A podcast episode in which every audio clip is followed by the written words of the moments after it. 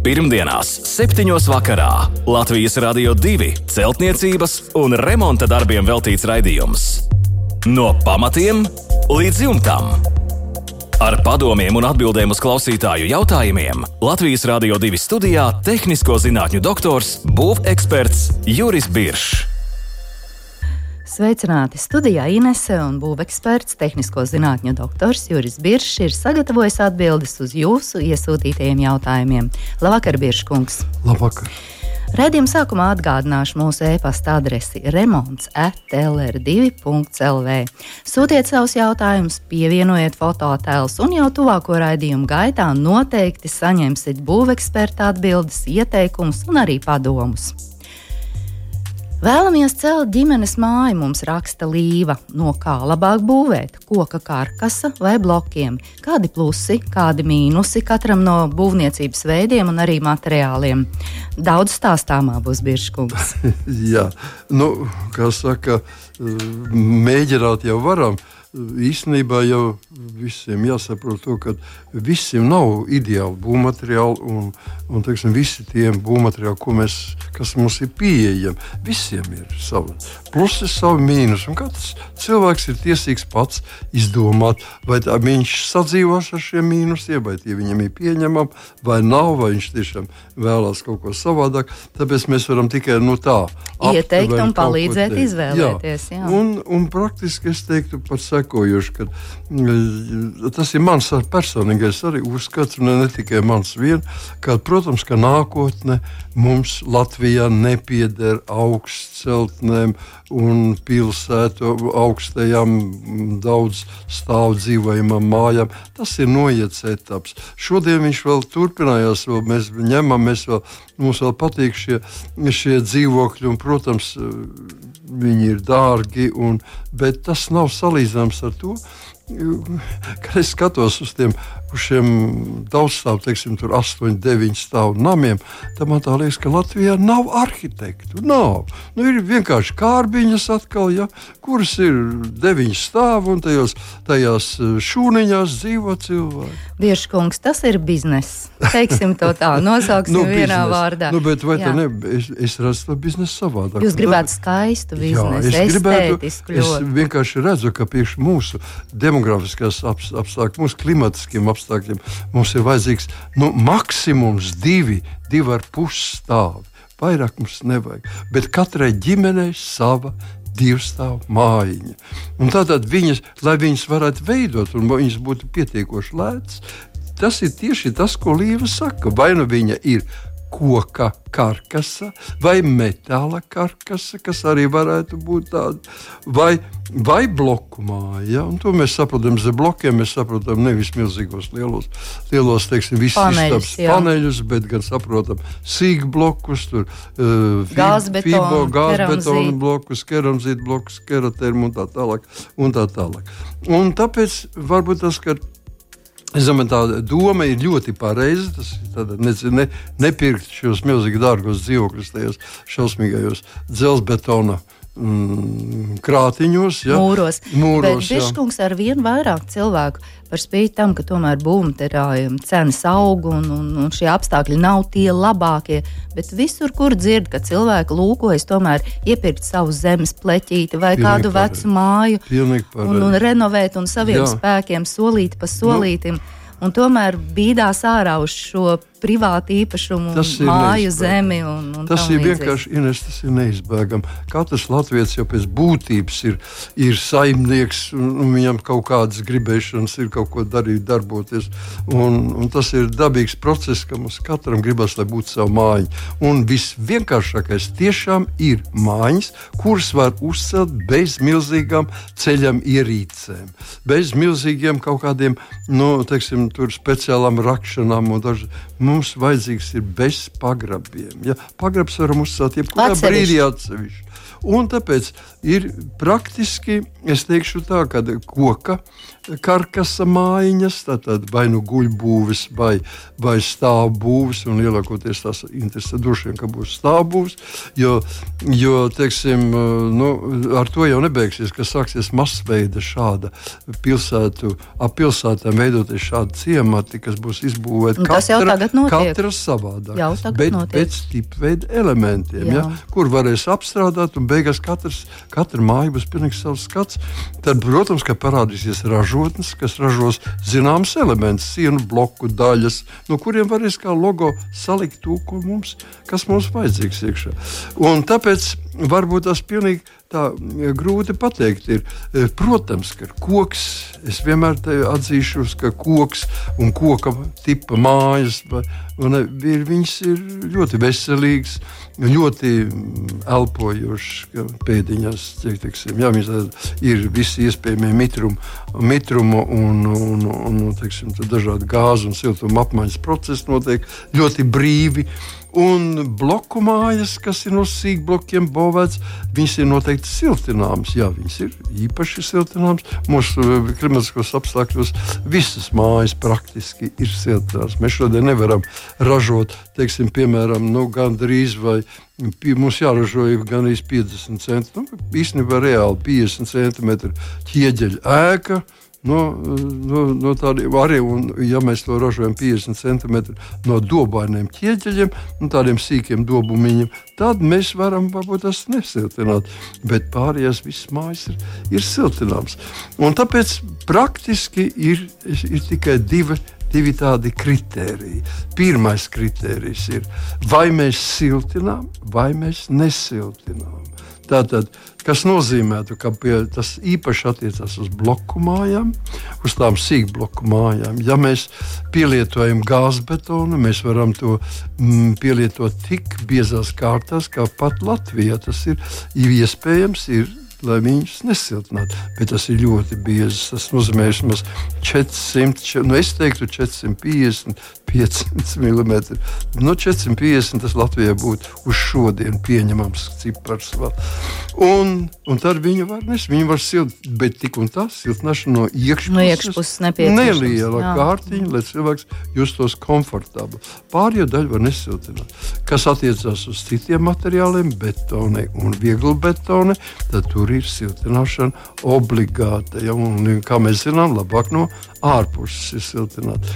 Godīgi sakot, mēs varētu, jūs tādas pie šā sienu materiāla ir vismaz savi 15, ja varbūt vairāk vēl uz šodien pieejamie materiāli. Katram no viņam ir savi plusi un savi mīnusi. Es teiktu, ka vajadzētu griezties vienkārši pie nevis iet uz veikaliem un prasīt, tāpēc ka viņiem spārdos to, kas viņiem ir. Un viņi būs ļoti laimīgi, ka viņi pērkat vispār to. Bet jāiet pie speciālista un vajag teikt, ka es gribu tādu un tādu. Viņš Viņa uzdevums ir speciālistam godīgi, nevis būt pārstāvēt un, sakot, kaut kādu firmu, bet godīgi pateikt, Ja jūs teiksim, būvēsiet no gāzbetona, jums būs šādi, tādi, tādi mīnusi un tādi plusi. Nu, izvēlieties, gribat to? Lūdzu, pa piemēru, vienam, ja jūs būvējat no gāzbetona. Ja man to prasītu, momentā, mm. divos vārdos sakot, viņš ir brīnišķīgs materiāls. Latvijā varbūt pats labākais materiāls pēc viskā, ja viņš ir savs bet saglabājiet no sauso materiālu, no būvlaukuma līdz nodošanai eksploatācijas sausu. Spēsit to izdarīt. Tas ir nu, praktiski neiespējami. Līdz ar to iziet, izrietošās sekas, ja?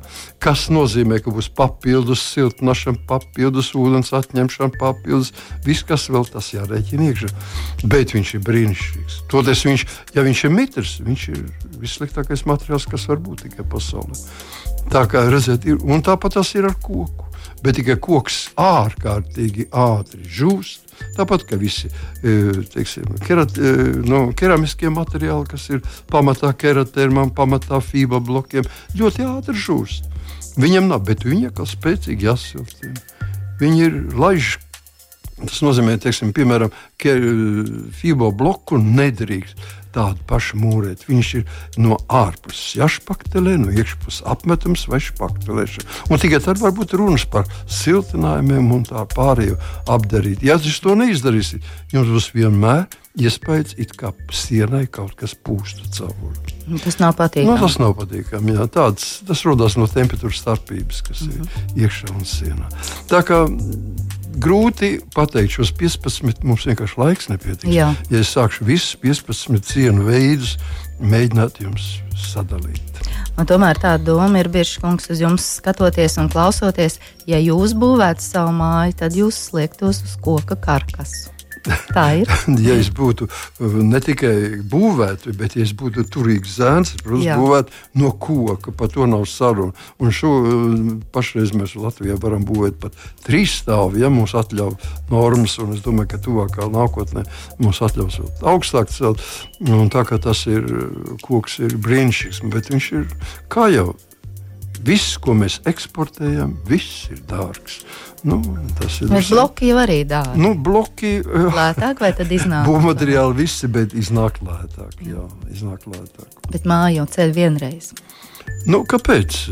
Es prasīju, es prasīju saviem bērniem, viņi saka, kāpēc mums vajag. Mēs netaisamies dzīvot eh, simts gadus tur, vai 50 gadus vienā mājā. Nu, nu vienu laiciņu, 30 gadus ņemam nākošo. Paga, paga, lai uzceļ to pašu vienu, un tad parunāsim. nu, tā ir viņa darīšana. Protams. Man protams. tas iet šrējā maniem uzskatiem, bet nu, mm -hmm. vecam cilvēkam ir savu uzskatu pats.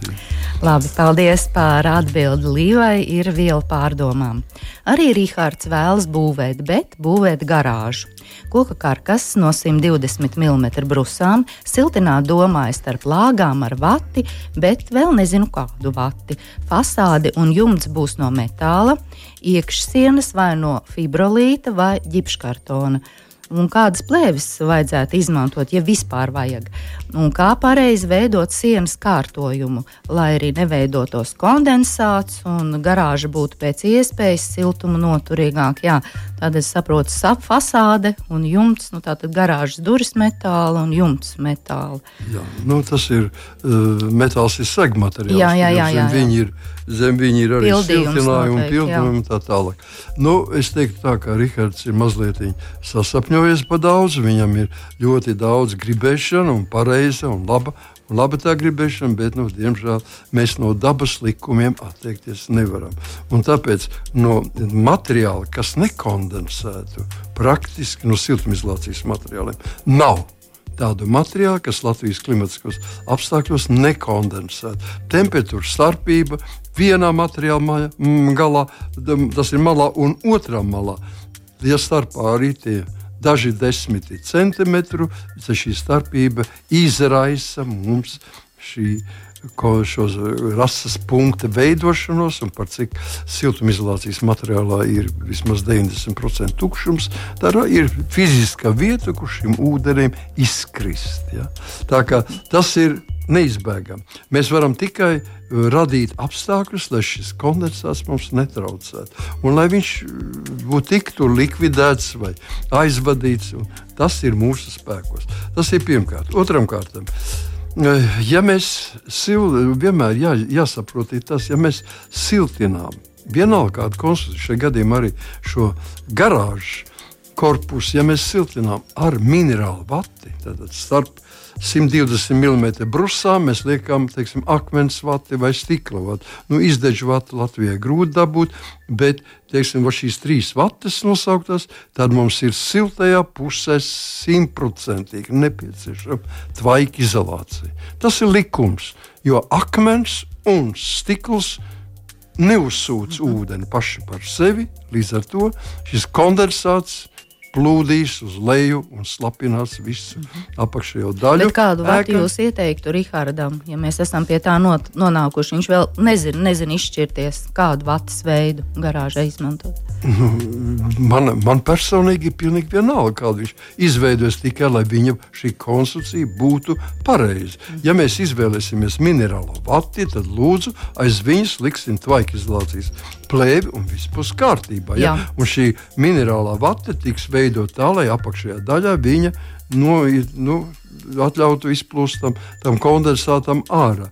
Un viss mums ir kārtībā. Ja mēs liekam ekovati, tad mums no šīs mm, šī negatīvās īpašības mēs varam izbeigt. Ja, ja viņa mitrums uzturēsies sienas materiālā un žūs līdz ar iespējām žūt, ar mm -hmm. ventilāciju, ar gaisa temperatūras maiņu un tā tālāk. Mm -hmm. Skaidrs, tāda starpība. Jā. Mm -hmm iekšsienas vai no fibrolīta vai ģipškartona. Tur vēl varētu būt fibrolīts vai ģipškartons.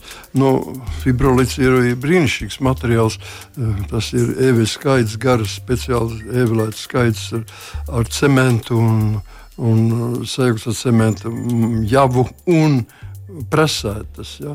Tātad brīnišķīgs siltumizolācijas materiāls, bet nu, netiksim, nevar sacensties ar ekovātu, nevar sacensties ar, ar minerālām vatēm, bet viņš ir stingri labāk skatīsim, kā koks tikai uh mhm. -huh. tāpat. Tāpēc, Varētu, jā, var pielietot viņu.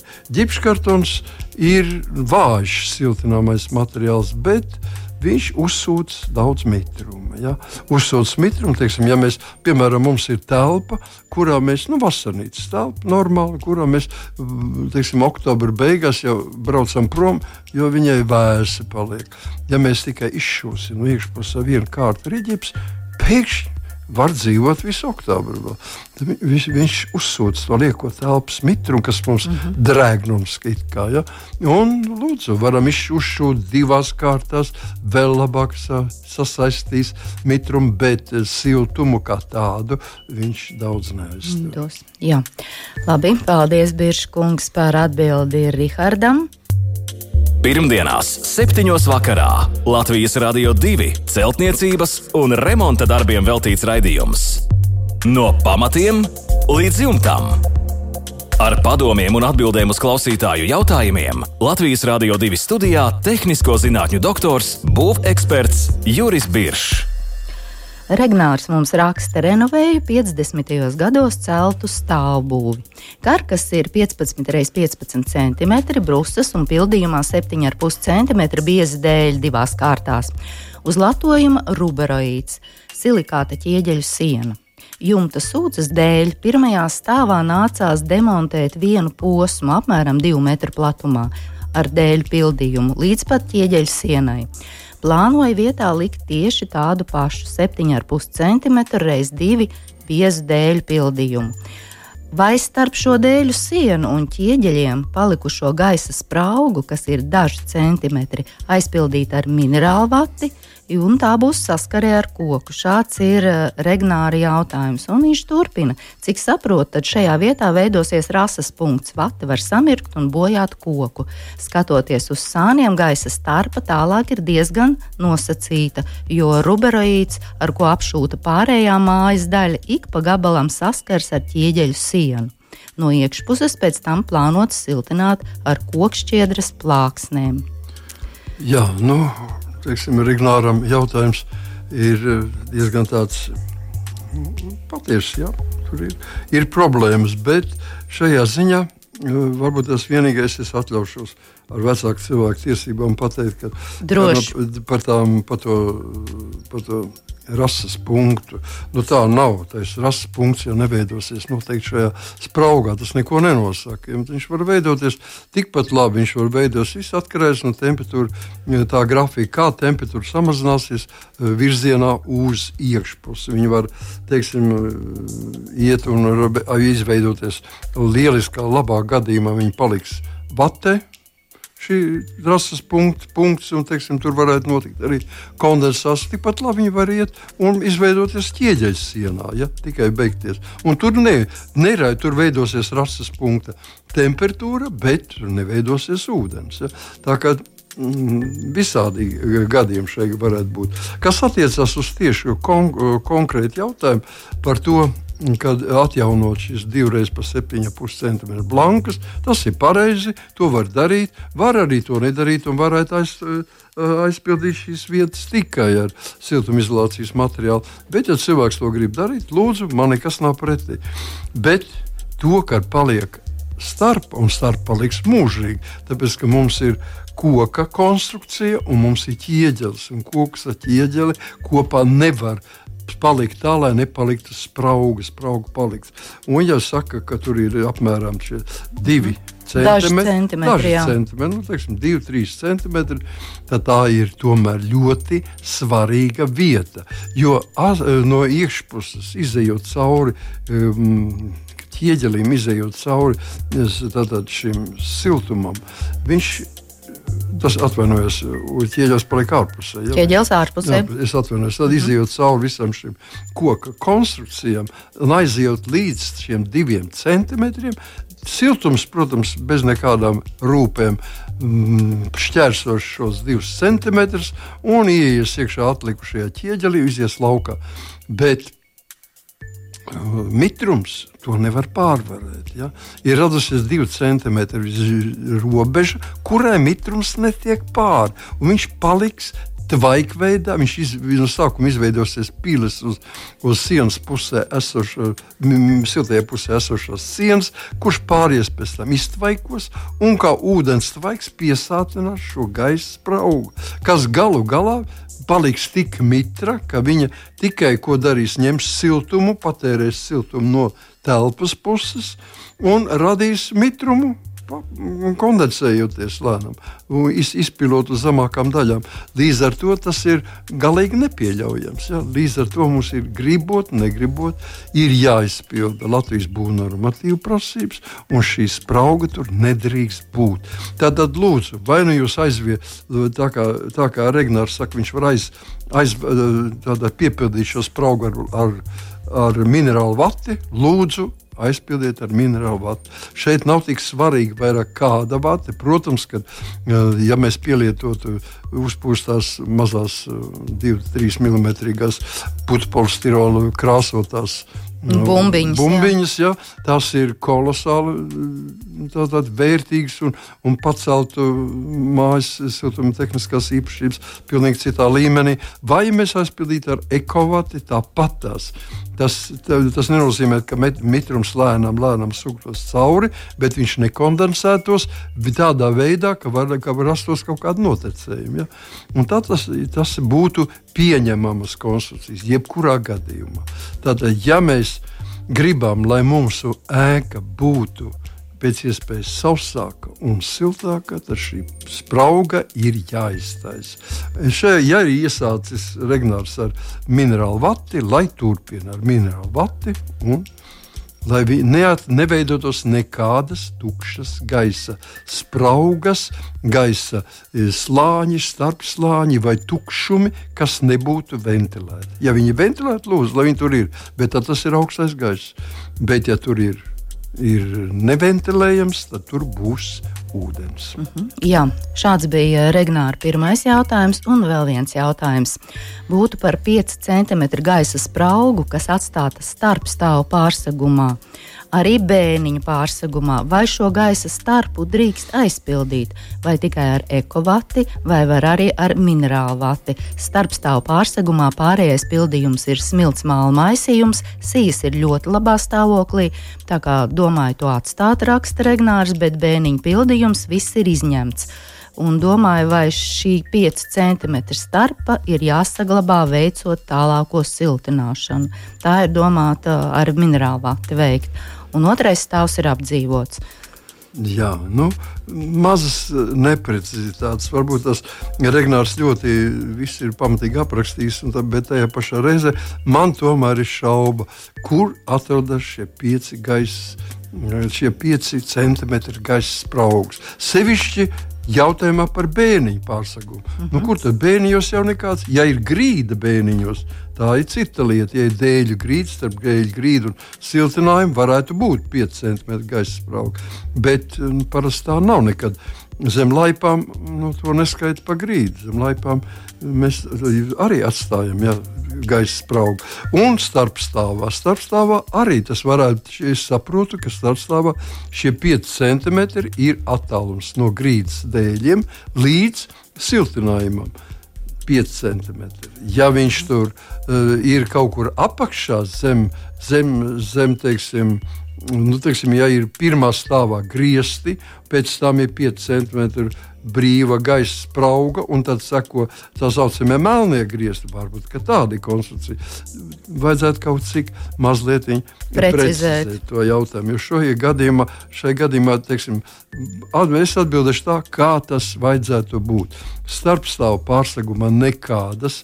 Tātad mums ir starpstāvu pārsegums, viņā ir siltumizolācija.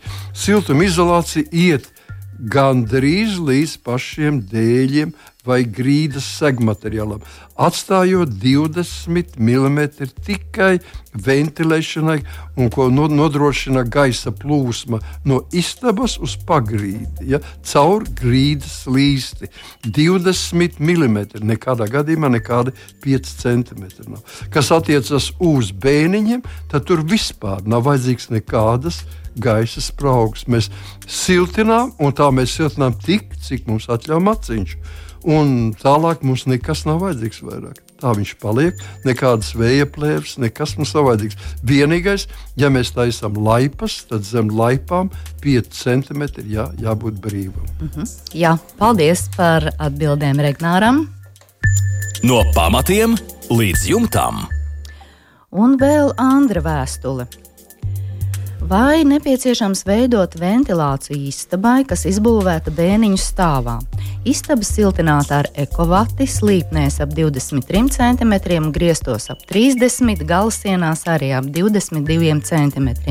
Ir augstie bēniņi. Istabas platība aptuveni 50 km2. Tātad, vai nepieciešams izveidot ventilāciju? Ja jā, tad kādu? Vai izvēlēties kādu rekuperācijas sistēmu? Nu, vispirms sāksim ar to, ka jebkura telpa, kas atrodas dzīvoklī, jebkura telpa, vai tā ir sadzīves telpa, toaletes telpa, vai vannas istaba, vai dzīvojama istaba, vai guļama istaba, visām telpām jābūt ar ventilācijas iespējām. Nevar būt tāda telpa, kurā nav ventilācijas. Jo sevišķi vēl teiksim, mūsdienu modernajām logu konstrukcijām, ar, ar paketēm un, un vārdu sakot, praktiski visiem ļoti labi nostrādātām ozolkoka durvīm un tā tālāk, kas neļauj notikt iekšēji kaut kādai gaisa apmaiņai ir noteikti jādomā par to, lai ir mākslīgi veidota šī ventilācija. Nu, es nevaru pieļaut to, ka platībā 50 km2 šī izbūvētā telpa bēniņš stāvā ir bez logiem. Nu, tas mhm. būtu kaut kāds neprāts. Liela telpa. Liela telpa. Es saprotu, tur varētu būt jumta logi, tur varētu, varētu būt, būt. Un varētu būt arī teiksim, nu, dažādi. Sānlogi. Sānlogi arī, ja, ja ir teiksim, padziļinājums jumta konstrukcija un tā tālāk. Tātad pirmais variants, kas ir vienkāršākais, ir izveidot lūk, šādas ventilācijas restītes, kas atrodas šajos logos. Vienalga, kādas viņi ir. Vai tās ir, ir teiksim, jumta logi, vai tie ir, ir vienkāršākie logi, ja kurā gadījumā acīm redzot, tie ir pakaļšlogi. Tad viņus var izveidot, ievietot iekšā šīs ventilācijas restītes, kas darbojas uz mitruma principu un var ar, izmainoties mitrumam, viņi paver vaļā vairāk vai mazāk. Teiksim, tā iespēja gaisam iesu no ārā ieplūst iekšā. Šī ir dabīgā ventilācija, kur ne, neprasa ne grama enerģijas, ne cilvēka rīcību, bet automātiski notiek mitruma iespēja tā saka, ķīmiskai reakcijai notiekot iekšā plasmasā, plasmas sagriežas un verās vairāk vai mazāk vaļā. Tāda varētu būt visvienkāršākā. Tad tālāk seko, protams, seko daudz sarežģītākas ventilācijas iekārtas, no kurām atkal vienkāršākie ir tādi, ja mēs viņu teiksim, vai nu uzstādām īstu devējus, kas reģistrē kaut kādus parametrus istabā un ieslēdz automātiski teiksim, elektriskas eh, darbības, ventilācijas, vai teiksim, cilvēks pats no, darbojas kā ieslēdzējs šajā gadījumā, un tikai tad es nonāku līdz rekuperācijai. Rekuperācija ļoti sarežģīta.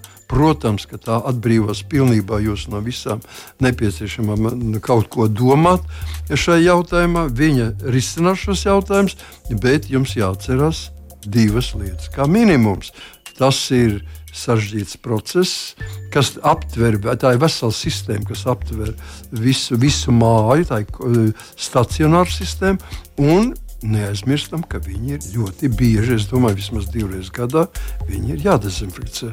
Par ko cilvēki bieži piemirst, jo laižot visu laiku cauri gaisu gan sakot, caur savu, saviem mehānismiem, uz tiem nosēžas ļoti daudz dažādas radības, ja, kas mēs sakām, bioloģiski rakstura, tāpēc viņas ir jādezinficē. Ļoti daudz cilvēku par to piemirst, kas arī papildus prasīs līdzekļus. Jā. Paldies par atbildi Andrim. Līdz ar to šovakar raidījums izskan. Vēlreiz atgādināšu mūsu e-pasta adresi remonds at lr2.lv. Jautājums būs ekspertam, sūtiet un pievienojiet fototēlus. Arī caur mūsu Latvijas radio divu mājaslapu var iesūtīt jautājumus. Esam arī atrodami populārākajās podkāstu straumēšanas vietnēs. Lai jums silts, mierīgs vakars un tiekamies pēc nedēļas! Visu labu! Pirmdienās, 7. vakarā Latvijas Rādio 2 celtniecības un remonta darbiem veltīts raidījums. No pamatiem līdz jumtam. Ar padomiem un atbildēm uz klausītāju jautājumiem Latvijas Rādio 2 studijā - tehnisko zinātņu doktors, būveksperts Juris Biršs.